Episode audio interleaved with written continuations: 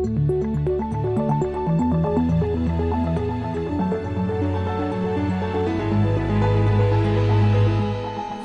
This Morning.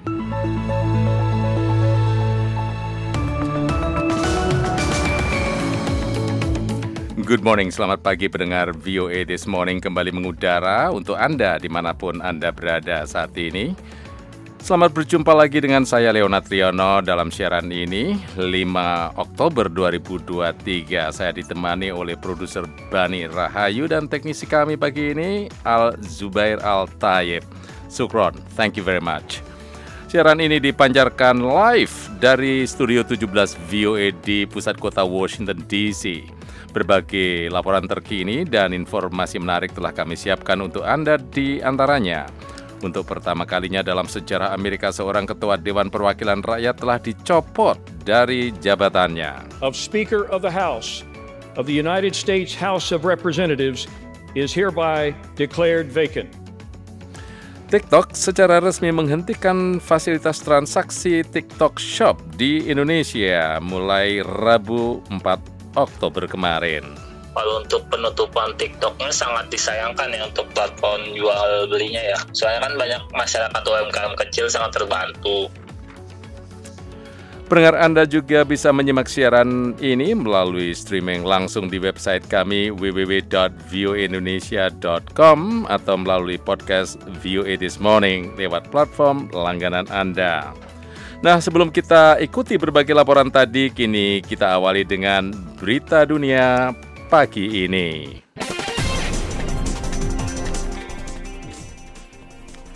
Polisi Thailand mengatakan pada hari Rabu bahwa remaja laki-laki yang dituduh melakukan penembakan di sebuah pusat perbelanjaan besar di pusat Bangkok, Thailand menggunakan pistol tiruan yang dimodifikasi. Aksi itu menewaskan dua orang dan melukai lima orang lainnya. Samran Nualma, asisten kepala kepolisian Taiwan, mengata, saya ulangi, Thailand mengatakan อาวุธที่ใช้เนี่ยครับเป็นเป็นเดิมทีเนี่ยมันเป็นปืนปืนที่เป็นปืนที่อ่ะปืน Senapan yang dia gunakan adalah senjata kosong, senjata plastik dengan laras yang disesuaikan. Kami akan mengkaji peraturan tentang pengendalian senjata dan undang-undang yang terkait dengan senjata. Itu sendiri tidak ilegal, tetapi kemudian direkayasa menjadi senjata. Tersangka ditahan kurang dari satu jam setelah penembakan, dan penembakan itu terjadi di Siam Paragon Mall, salah satu tujuan belanja kelas atas terbesar di Bangkok, kepolisian Bangkok. Kepala Kepolisian Thailand Torsat Sukmin Mall mengatakan tersangka tampaknya memiliki masalah psikologis dan diyakini menerima perawatan di rumah sakit Raja VT. Lima orang tewas dan 23 tentara hilang setelah terjadi banjir bandang pada Rabu di lembah Legend di negara bagian Sikkim di India Barat Timur Laut. Menurut pejabat militer, banjir yang disebabkan oleh hujan lebat itu memblokir jalan raya utama menuju ibu kota Sikkim, Gangtok. Hujan deras menyebabkan mobil dan pangkalan militer tertutup lumpur. Kementerian Pertahanan mengatakan operasi pencarian korban terus dilakukan. Hujan deras menyebabkan tepian danau glasial meluap sehingga menimbulkan bencana, kata Miriam Jackson, ilmuwan peneliti di Pusat Internasional untuk Pengembangan Pegunungan Terpadu di Nepal. Para pejabat setempat juga mengatakan bendungan meluap sehingga memperparah banjir.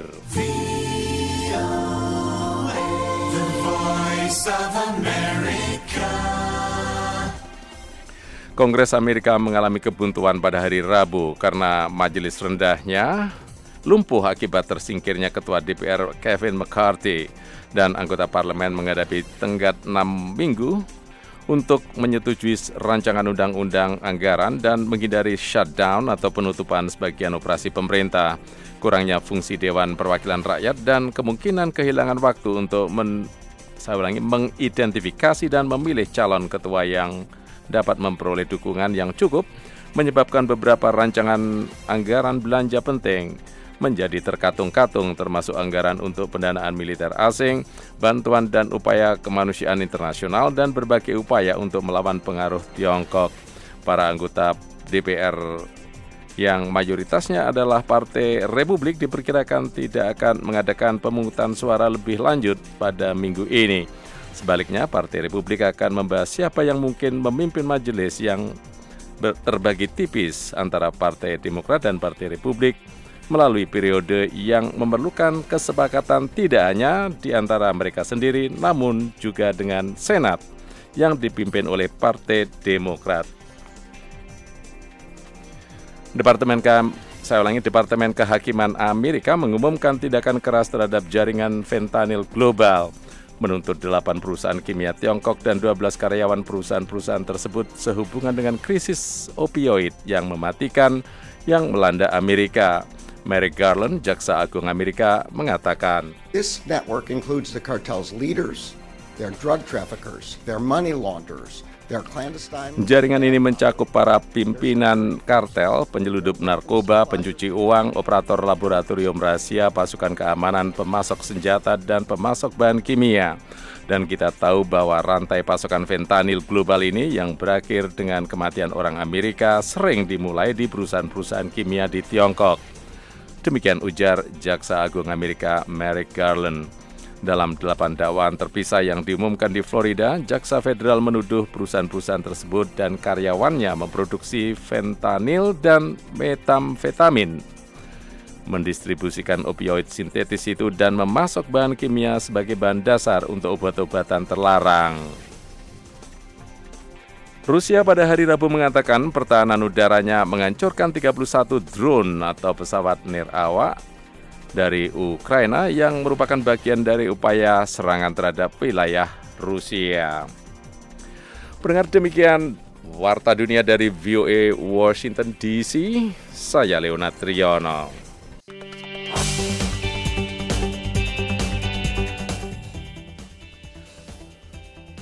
Ya pendengar, untuk pertama kalinya dalam sejarah Amerika seorang ketua Dewan Perwakilan Rakyat yang berada di urutan kedua dalam garis suksesi kepresidenan telah dicopot dari jabatannya.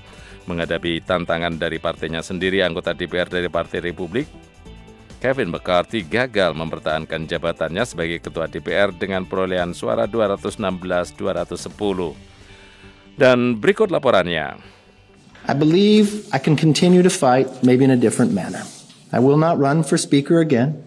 I'll have the conference pick somebody else. Pendengar inilah petikan pernyataan Kevin McCarthy yang pada Selasa sore lalu dipecat dari posisinya sebagai ketua DPR. Ini merupakan peristiwa luar biasa dalam dunia politik Amerika karena belum pernah terjadi sebelumnya. Seorang pemimpin DPR dicopot dari jabatannya oleh anggotanya sendiri. The office of Speaker of the House of the United States House of Representatives is hereby declared vacant. Anggota fraksi Partai Republik di DPR dari negara bagian Florida, Matt Gaetz, memaksa dilangsungkannya pemungutan suara untuk mencopot McCarthy.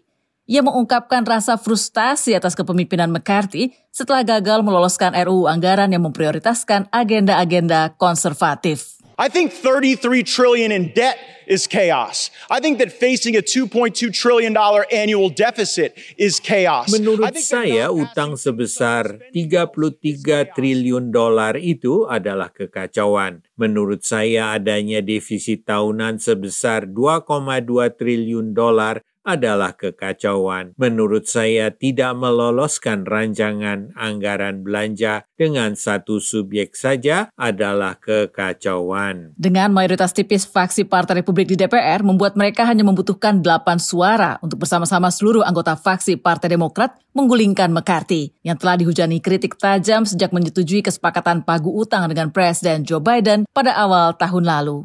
Sementara anggota faksi yang sama dari negara bagian Oklahoma, Tom Cole, meminta agar semua anggota berpikir dengan jernih sebelum memerosokkan semua dalam kekacauan. Think long and hard before you plunge us into chaos because that's where we're headed. Berpikir panjanglah sebelum kita terperosok ke dalam kekacauan karena kita akan mengarah ke sana jika mengosongkan kepemimpinan di DPR. Yang juga patut dicermati karena membuat perbedaan besar adalah bersatunya seluruh anggota faksi Partai Demokrat untuk menggulingkan McCarthy. Sebagaimana disampaikan anggota faksi Partai Demokrat di DPR dari negara bagian Washington, Pramila Jayapal.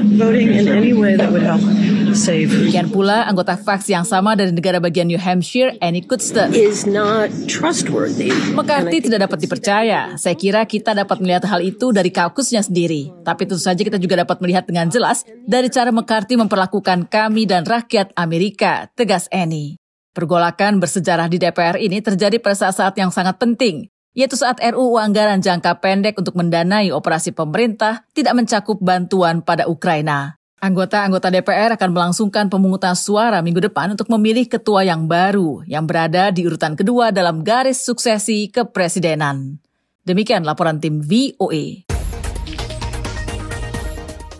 Pendengar mantan Presiden Amerika Donald Trump kini berjuang melawan gugatan penipuan perdata senilai 250 juta dolar yang menuduh mantan presiden itu memberikan informasi palsu terkait nilai bisnis real estate-nya. Jaksa Agung New York Leticia James mengajukan gugatan terhadap Trump, dua anaknya dan perusahaannya. Nur Hadi Sucahyo yang kebetulan duduk di studio bersama saya kali ini. Apa kabar Mas Nur Hadi? Apa kabar? Baik sekali, Pak Tri. Gimana baik? Baik sekali, Pak Tri. Oke, baik. Silakan now Anda menyampaikan selengkapnya. Mantan Presiden Donald Trump kembali ke gedung pengadilan tinggi New York kali ini untuk melindungi portofolio real estate-nya yang luas agar tidak jatuh ke pemerintah negara bagian New York. Dalam persidangan penipuan sipil senilai 250 juta dolar Amerika Serikat ini, sang mantan presiden itu dituduh meninggikan kekayaan bersihnya senilai miliaran dolar untuk memperoleh perjanjian bank yang lebih menguntungkan baginya, para investor, dan rekan bisnis.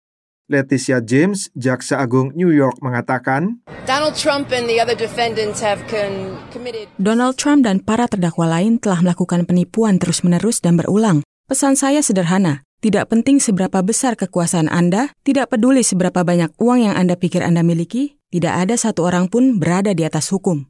Gugatan ini berpusat pada sejumlah properti yang secara sengaja telah dinilai terlalu tinggi.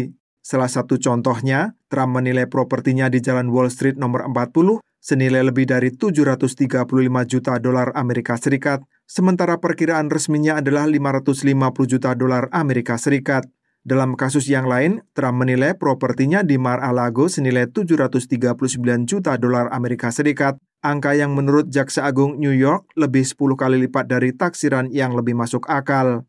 Trump dengan keras membantah tuduhan ini.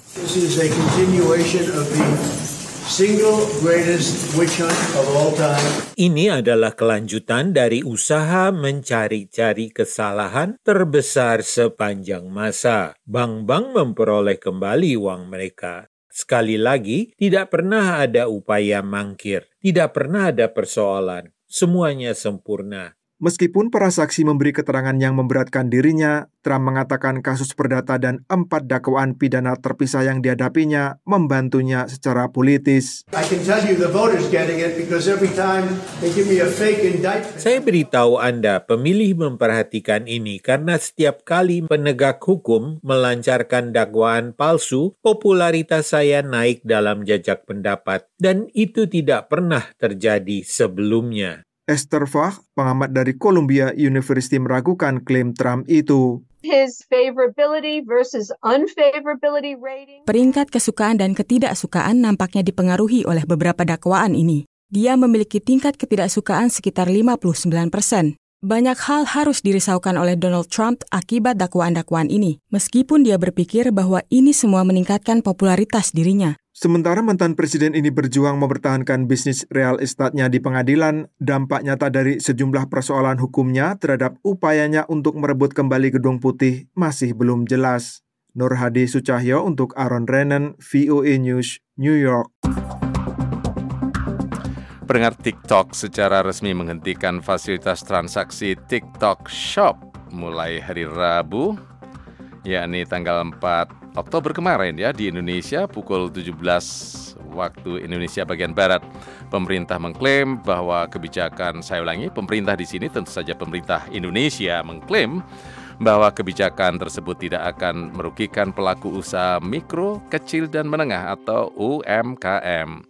Kita Intan melaporkan dari Jakarta. Beberapa jam menjelang penutupan TikTok Shop, Menteri Koperasi dan UKM Teten Masduki memastikan kebijakan itu tidak akan merugikan pelaku UMKM karena penjual di aplikasi itu masih dapat berjualan di berbagai platform lain yang tersedia di tanah air. Kalau dengan penutupan TikTok Shop ini sebenarnya tidak terlalu mengganggu bagi para seller karena kan tetap para seller, para pelaku UMKM yang jualan di online bisa memanfaatkan promo produknya di TikTok medsos nanti kalau penjualannya direct kepada link hanya di multi platform. Jadi tidak lagi di TikTok Shop, bisa jualan di platform apa aja yang ada di Indonesia. Teten menggarisbawahi penutupan TikTok Shop bukan berarti pelarangan berbisnis bagi mereka di Indonesia. TikTok Shop boleh saja kembali berjualan di Indonesia asalkan mengikuti aturan yang ada. Senada dengan pemerintah, ekonom core Indonesia Muhammad Faisal mengungkapkan sebetulnya pelaku UMKM tidak terlalu dirugikan dengan ditutupnya TikTok Shop. Ia melihat pengusaha UMKM, terutama mikro, yang terjun di platform TikTok Shop masih sangat terbatas jumlahnya. Sebagian besar UMKM pun tidak terlibat di TikTok Shop-nya. Gitu. Lebih banyak di e-commerce ya, tapi e-commerce e-commerce yang yang lain di TikTok Shop kan based on short video. Kalau yang e-commerce yang lain kan dia display dan UMKM memang lebih banyak masuk ke e-commerce e-commerce yang seperti ini dan itu pun tidak semua, uh, hanya sebagian kecil. Lebih jauh Faisal mengatakan minat masyarakat yang besar terhadap platform yang baru saja ditutup sebenarnya lebih kepada inovasi yang dilakukan oleh TikTok Shop sendiri dari segi strategi penjualan. Menurutnya, cara berjualan secara langsung atau live di TikTok Shop ini merupakan strategi modern yang cukup ampuh untuk menarik perhatian kalangan anak muda yang lebih melek pada teknologi terbaru untuk berbelanja. Salah satu pelaku usaha yang menjual produknya di TikTok Shop, Rosihan Anwar mengatakan bahwa dirinya menyayangkan perihal peraturan yang telah ditetapkan oleh pemerintah Indonesia. Kalau untuk penutupan TikToknya sangat disayangkan ya untuk platform jual belinya ya. Soalnya kan banyak masyarakat UMKM kecil sangat terbantu untuk penjualan online di TikTok dan all shop lainnya ya, kayak Shopee dan Tokopedia. Ini jadi suatu angin segar sih ada platform jual online baru. Jadi kalau ditutup itu sangat disayangkan aja sih dari dari pendapatan. Dari Jakarta, Gita Intan melaporkan untuk VOA Washington.